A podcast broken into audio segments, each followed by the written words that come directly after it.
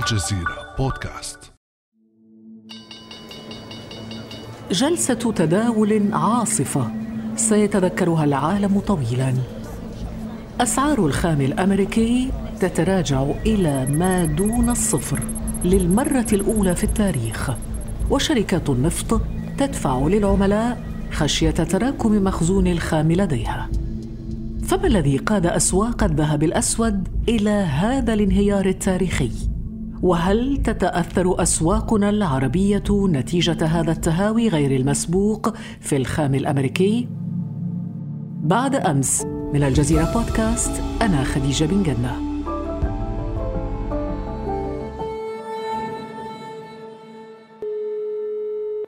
ومعنا اليوم أستاذة الاقتصاد في جامعة باريس الدكتورة نسيمة أوهاب العثامنة. أهلا وسهلا بك دكتورة. أهلا بك خديجة. دكتورة نسيمة العثامنة الاثنين الماضي الموافق للعشرين من أبريل لم يكن يوما عاديا. كان يوما استثنائيا تهاوت فيه أسعار الخام الأمريكي إلى ما دون الصفر في واقعة غير مسبوقة. كيف حدث كل هذا؟ ولماذا حدث؟ ولماذا الآن؟ في حقيقة الأمر هناك عدة عوامل مرتبطة أدت إلى انخفاض سعر البرميل في جنوب تكساس. أزمة الكورونا التي أدت إلى غلق الأسواق العالمية تقريبا والممرات البحرية والجوية 80% من الطائرات لا تشتغل منذ بداية أزمة كورونا وتقريبا 60% من ناقلات النفط كذلك تعطلت. فمما أدى إلى تكدس كميات كبيرة جدا من الخام في السوق العالمية فأثرت على الخام الأمريكي الذي طبعا ارتفع بشكل غير مسبوق. فتقريبا 70 مليون برميل زيادة عن الإنتاج الذي تعودت عليه الولايات المتحدة فليس هناك مخازن تكفي لتخزين كل هذه الكميات. هناك عامل ثاني وهو المشادات التي حصلت بين روسيا والسعودية خلال 9 مارس الفائت لعدم اتفاق على تخفيض الإنتاج في منظمة الأوباك وحلفاء الأوباك منها روسيا كذلك. فزيادة الإنتاج من الطرفين أدت إلى تخلخل الأسعار وكذلك الطلب والعرض على السوق النفطي. فالعرض كبير جدا بالمقارنة مع الطلب الذي طبعا تأثر بصفة كبيرة جدا بأزمة الكورونا وتراجع الطلب الصيني خصوصا الذي يستهلك ما قيمته تقريبا 10% من النفط العالمي.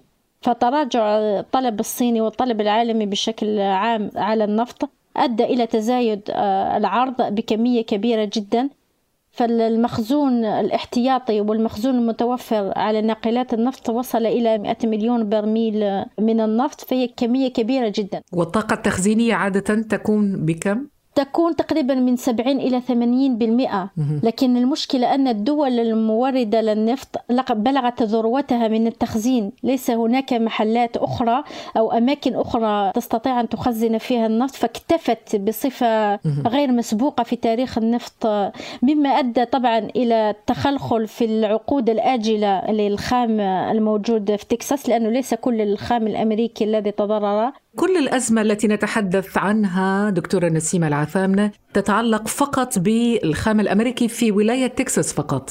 نعم في ولاية تكساس نعم. بسبب العقود الآجلة التي وصلت آه، إلى أجلها في خلال شهر مايو يعني تقريبا بعد أسبوع فالمشترين لم يجدوا أناس ليبيعوهم النفط الموجود بزيادة. فلكي يتصرفوا فيه بصفة سريعة لأنه ليس هناك وقت. اضطر المنتجين إلى البيع بالخسارة. طيب هنا دكتورة نسيمة أكيد كما شرحتي أنه كورونا كانت يعني أحد الأسباب الرئيسية فيما حدث. نعم. ومشكلة التخزين كما شرحتيها أيضا، ولكن هناك من يحمل أيضا المملكة العربية السعودية وروسيا مسؤولية انهيار أسعار النفط. والسيناتور الجمهوري جين إنهوف في بيان نشره على حسابه على تويتر يعني قال صراحة روسيا والمملكة العربية السعودية مسؤولتان عن انهيار أسعار النفط لأنهما تواصلان إغراق سوق النفط العالميه، ما رأيك بهذا الكلام؟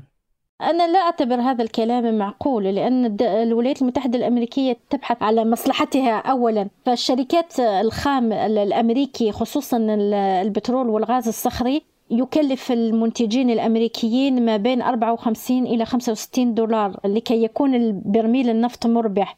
فسعر البترول يجب أن يكون في هذا التوازن لكي يستفيد منه المنتجين الأمريكيين. عكس روسيا التي تحتاج تقريبا من بين 25 إلى 35 دولار للبرميل وبالسعودية تقريبا ب 10 دولار للبرميل لأنه إنتاج الخام أصلا لا يكلفها كثيرا لأنه خفيف وسهل الاستخراج فالمستفيد في ارتفاع الأسعار هو الولايات المتحدة الأمريكية. وروسيا تعرف جيدا بأن إذا خفض الإنتاج داخل منظمة الأوبك والحلفاء أوبك يعني أوبك بلس المستفيدين الوحيدين سيكون الولايات المتحدة الأمريكية. وكما تعلمون هناك مشاكل واختلال في العلاقات بين روسيا والولايات المتحدة. مما جعل روسيا لا تقبل تخفيض الإنتاج ما يقدر في شهر مارس على الأقل بمليون فاصل سبعة واحد فاصل سبعة مليون برميل يوميا.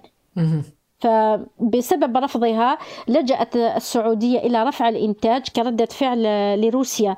لكن آه، لا نحمل السعودية بطريقة مباشرة هذه هذا الخلل لأن الولايات المتحدة الأمريكية خلال هذه الفترة استغلت انخفاض الأسعار في السوق واستوردت النفط السعودي. مما أدى إلى ارتفاع المخزون بطريقة رهيبة جدا في الولايات المتحدة الأمريكية. نعم إلى أن حدثت التخمة في التخزين. التخزين وهنا انقلب الموقف الأمريكي ضد السعودية. طبعا آه، طبعا سينقلب سيحملوها المسؤولية لكن لو رأينا الأمور بطريقة موضوعية أكثر فأتوقع أنا شخصيا أرى أن المسؤولية تحملها كل من روسيا السعودية والولايات المتحدة. لأن الولايات المتحدة لم تخفض إنتاجها منذ بداية أزمة كورونا رغم معرفة المنتجين. نعم هذا يقودنا للحديث عن تداعيات انهيار أسعار النفط. بعد ساعات قليلة من انهيار أسعار الخام الأمريكي أعلن الرئيس دونالد ترامب أن إدارته ستدرس وقف استيراد شحنات نفط من المملكة العربية السعودية وذلك في رد على سؤال خلال مؤتمر صحفي بالبيت الأبيض. دعاك بعض أعضاء مجلس الشيوخ بما فيهم السناتور كريمر إيقاف شحنات النفط السعودية. هل يمكنك القيام بذلك تحت البند 232 سوف ندرس الأمر. لقد سمعت به للتو أنا أدخل هذه الغرفة. لدينا بالتأكيد الكثير من النفط. إذا دكتورة نسيمة العثامنة هل من المتوقع أن يكون فعلا هذا هو الرد الأمريكي تجاه المملكة العربية السعودية بعد هذا التطور؟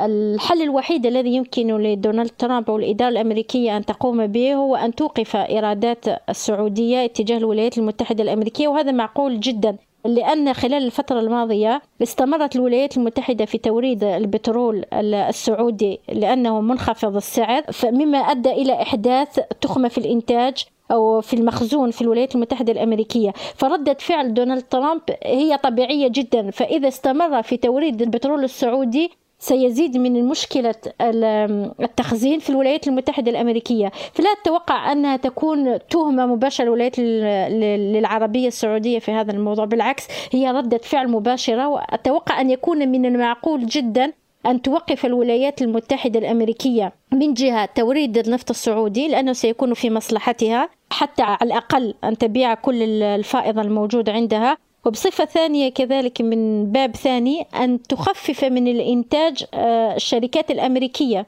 لأنه سيزيد الأمور أزمة أكثر. قبل أن نصل إلى تأثيرات ذلك على العالم العربي وهذا يهمنا آه، لمعرفة آثار هذا الانهيار الكبير على الدول للأسعار على الدول العربية لكن في الولايات المتحدة الأمريكية ما هي برأيك انعكاسات هذا الانهيار على الموازنة العامة الأمريكية ومعدلات النمو للاقتصاد الأمريكي تتأثر؟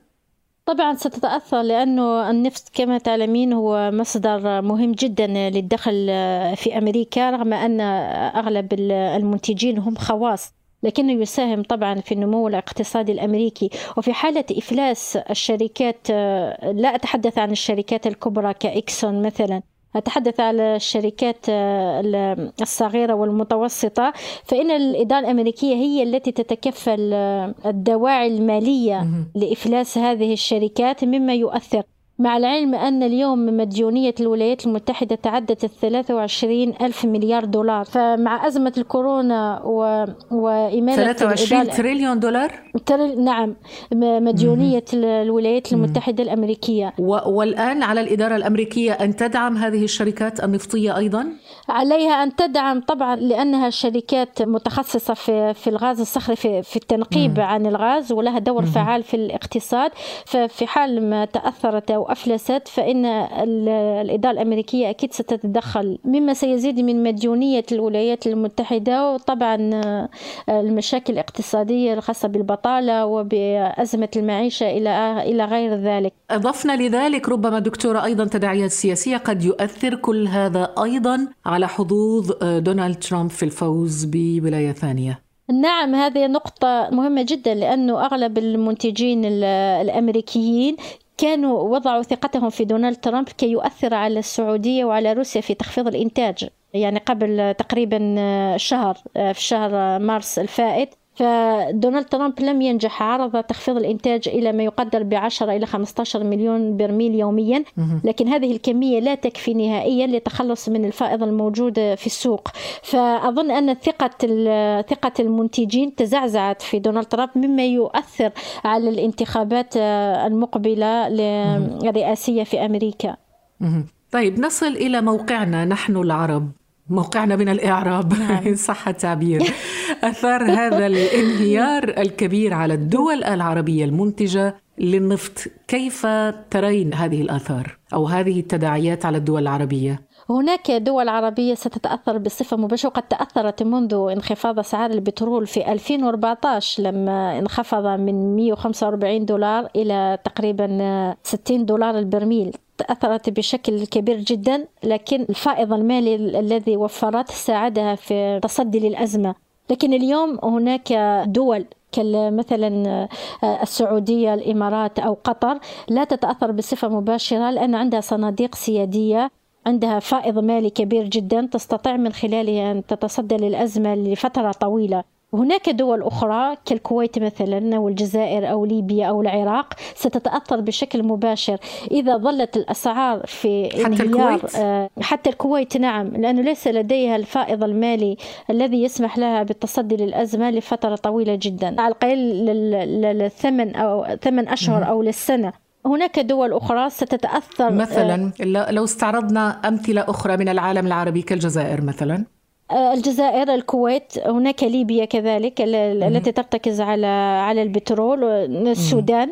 آه لكن ليبيا أصلا هي في مشكلة مع التوقف في مشكله في مشكلة الأمنية. النفطية. نعم. نعم. لكنها ستتأثر بطريقة كبيرة جدا لأن ليس لديها مخرج اقتصادي آخر ما عدا البترول آه، كانت تصدر ما يقارب تقريبا 450 ألف آه، برميل يوميا. واليوم بسبب التخمة التي يعاني منها السوق النفط ستعيد نظرتها إلى التصدير من جديد مما يؤدي طبعا إلى انخفاض الدخل في ليبيا وسيزيد من حدة الأزمة الاقتصادية الليبية.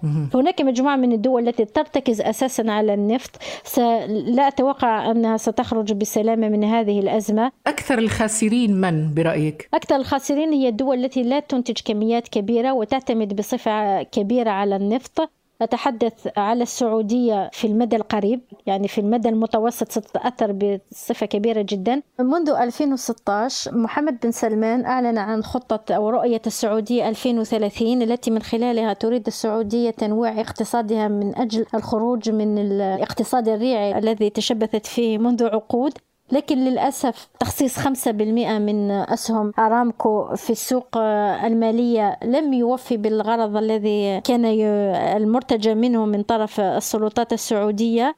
ولا نظرت السعودية وكل المشاريع الاستثمارية التي كانوا يريدون الدخول فيها بسبب طبعا قضية خاشقجي والأزمة التي تعاني منها المنطقة الحروب الحرب مع اليمن وتورط كذلك السعودية في, في ليبيا وسوريا. هاي كلها أمور أدت إلى تعطل الاستراتيجية الاقتصادية والنظرة الاقتصادية الجديدة للسعودية. فانخفاض أسعار النفط في الوقت الحالي سيؤثر سلبا لأن موازنة المملكة في اختلال منذ تقريبا خمس سنوات. آه، فالاحتياط السعودي يقدر تقريبا 268 مليار برميل. آه، والاختلال في الموازنة آه، ما بين 25 إلى 30% تقريبا. فيجب أن يكون البرميل يباع البرميل برميل النفط في السوق تقريبا بحوالي 60 70 دولار. كي يوفي بالغرض طب هذا هذا ممكن برأيك الآن عودة النفط إلى سعره الطبيعي هل هذا ممكن؟ متى وكيف؟ كي يعود السعر إلى سابق عهده لا أتوقع أن يتعدى أول أولا 45 أو 50 دولار. يجب أن تنحل الأزمة الصحية الكوفيد 19 آه، التي تسيطر على العالم في الوقت الحالي. لأن تراجع الطلب العالمي على النفط والطلب الصيني بالخصوص أثر بطريقة كبيرة جدا سلبيا على كل اقتصاد العالم وعلى سوق النفط بصفة خاصة. هناك اتفاق آه، يجب أن يكون بين أمريكا السعودية وروسيا والحلفاء الآخرين من أجل تخفيض إنتاج النفط. هذا مهم جدا. فكمية 10 أو 15 مليون برميل يوميا لا تكفي نهائيا لتحسين أسعار النفط.